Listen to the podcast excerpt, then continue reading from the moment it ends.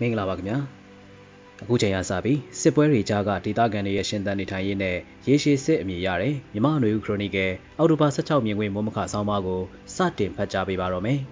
နေ့စဉ်သတင်းတွေကိုဖတ်ရှုနားထောင်ကြည့်တဲ့အခါမှာတပ်ဖြတ်ခံရတာဖမ်းဆီးခံရတာညှဉ်းပန်းနှိပ်စက်ခံရတာနဲ့နေအိမ်နဲ့ပိုင်ဆိုင်မှုတွေမိရှုဖျက်ဆီးခံရတာသို့မဟုတ်ယူဆောင်သွားခြင်းခံရတဲ့သတင်းတွေကနေ့စဉ်သတင်းတွေရဲ့ထောက်ဝက်ကြော်များသောသတင်းတွေဖြစ်လာနေပါတယ်။ 2021ခုနှစ်ဖေဖော်ဝါရီလ1ရက်နေ့ဆီယနာသိမ်းပြီးနောက်ပိုင်းလအနှဲငယ်အကြာမှာဆီယနာသိမ်းမှုကိုစန့်ကျင်တဲ့လူငယ်တွေအဖွဲ့အစည်းတွေကလက်နက်ကင်လမ်းကြောင်းကိုရွေးချယ်ခဲ့ကြပြီးနောက်ဖြစ်ပေါ်လာတဲ့တိုက်ပွဲတွေမြို့တွေမှာပြစ်ခတ်လုကြံမှုတွေဖောက်ခွဲမှုတွေနဲ့နယ်တွေမှာဖြစ်ပွားလာတဲ့နေမြေစိုးမိုးမှုကြိုးစားတဲ့တိုက်ခိုက်မှုကြားပြတ်တိုက်ခိုက်မှုတွေနဲ့အချို့သောစစ်အခြေစိုက်စခန်းကိုသိမ်းယူတဲ့တိုက်ပွဲတွေကနှစ်နှစ်ကျော်ကာလရဲ့ဖြစ်စဉ်တွေဖြစ်လေဖြစ်ထားရှိတဲ့ဖြစ်ပျက်တွေဖြစ်လာခဲ့ပါတယ်။ တစ်ဖက်မှာစစ်ကောင်စီလို့ခေါ်ကြတဲ့စစ်အာဏာရှင်တပ်တွေကလည်းရွာတွေကိုမီးရှို့တာဖမ်းဆီးတာဥပဒေမဲ့တပ်ဖြတ်တာပိုင်ဆိုင်မှုတွေသိမ်းတာနှစ်ရှည်ထောင်ဒဏ်ချမှတ်တာတွေလှုံ့ဆော်နေပြီးလက်နက်ကင်တိုက်ခိုက်မှုကိုခြေမှုန်းမှုစ조사နေတာဖြစ်ပါတယ်။တိုက်ပွဲထဲမှာပါတဲ့တိုင်းရင်းသားလက်နက်ကင်ဖွဲ့တွေကိုစီယုံတာ NCA ဆိုတဲ့ငြိမ်းချမ်းရေးဆွေးနွေးမှုတွေကနေစီယုံတာတွေလုပ်နေပေမဲ့တပြိုင်တည်းမှာလက်နက်ကင်တိုက်ခိုက်မှုတွေထဲပါဝင်နေတဲ့အဖွဲ့တွေကိုလေကြောင်းကနေပုံကျဲတာ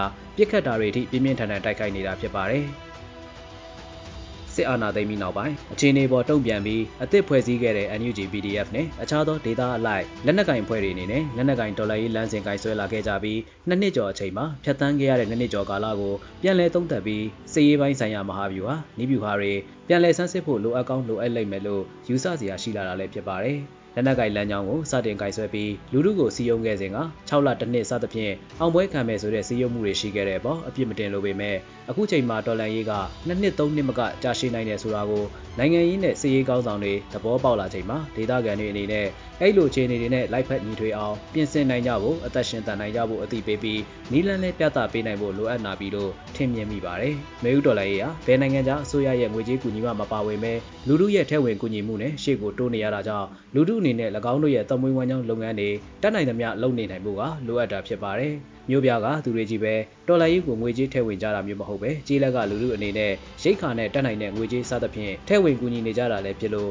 ဒေသခံလူလူအနေနဲ့နေ့စဉ်သမွေးဝမ်းကြောင်းကိုကောင်းမွန်စွာမလုပ်ကင်နိုင်တဲ့အခါတော်လိုင်းရေးအတွက်အကူအညီရရှိမှုလည်းရော့ကျလာမှအသေးကြပဲဖြစ်ပါတယ်။ ပြည်ပမှာအလုပ်လုပ်ကိုင်နေကြတယ်ပြည်ပရောက်မြန်မာအတိုင်းဝိုင်းကတော်လှန်ရေးအတွက်ကူညီကြတာမှန်ပေမဲ့ပြည်တွင်းမှာနေထိုင်နေကြတဲ့လူထုကိုလစ်လူရှုလို့မရတာအမှန်ပဲဖြစ်ပါတယ်စစ်ပွဲလက်နက်ကင်တိုက်ခိုက်မှုတွေကာလတိုအတွင်းအောင်ပွဲရလက်ထွက်မယ်လို့မျှော်လင့်ပြီးလူထုကိုတံမွေးဝမ်းကြောင်းပညာရေးစီးပွားရေးစတာတွေကိုပေးဖယ်ထားပြီးတိုက်ပွဲအောင်မြင်ရေးကိုပုံအောထောက်ခံကြဖို့နှိုးဆော်ခဲ့ရင်လည်းကာလတစ်ခုမှပြန်သုံးသပ်ကြဖို့လိုတာဖြစ်ပါတယ်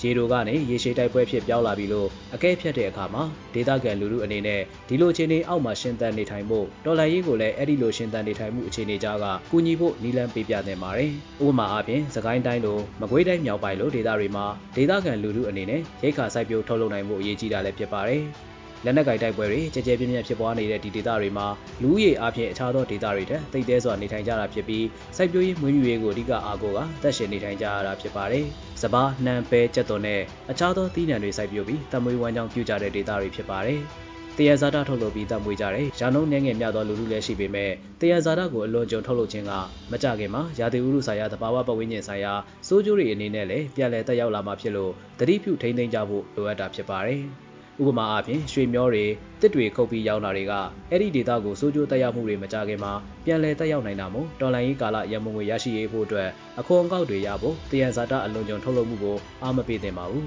ဒီလိုအခြေအနေတွေကိုခြုံငုံသုံးသပ်ပြီးနောက်မှာတော်လှန်ရေးကိုရေရှည်အမြင့်နဲ့ချင်းကပ်ပြီးလူလူရဲ့တပ်မွေးဝမ်းကြောင်းလောက်ကရေးတယံဇာတထိမ့်သိမ်းရေးလူလူရဲ့ပညာရေးစတာတွေအထိထည့်သွင်းစဉ်းစားပြီးလက်နက်ကိုင်လမ်းစဉ်အတွက်ထောက်ကူဖြစ်နိုင်မဲ့နည်းလမ်းတွေလက်နက်ကိုင်ဖွဲ့စည်းတွေရဲ့စည်ရေးဗျူဟာနည်းဗျူဟာတွေကိုပြန်လည်ချမှတ်တဲ့နယ်လို့ထင်မြင်မိပါတယ်ခင်ဗျာ။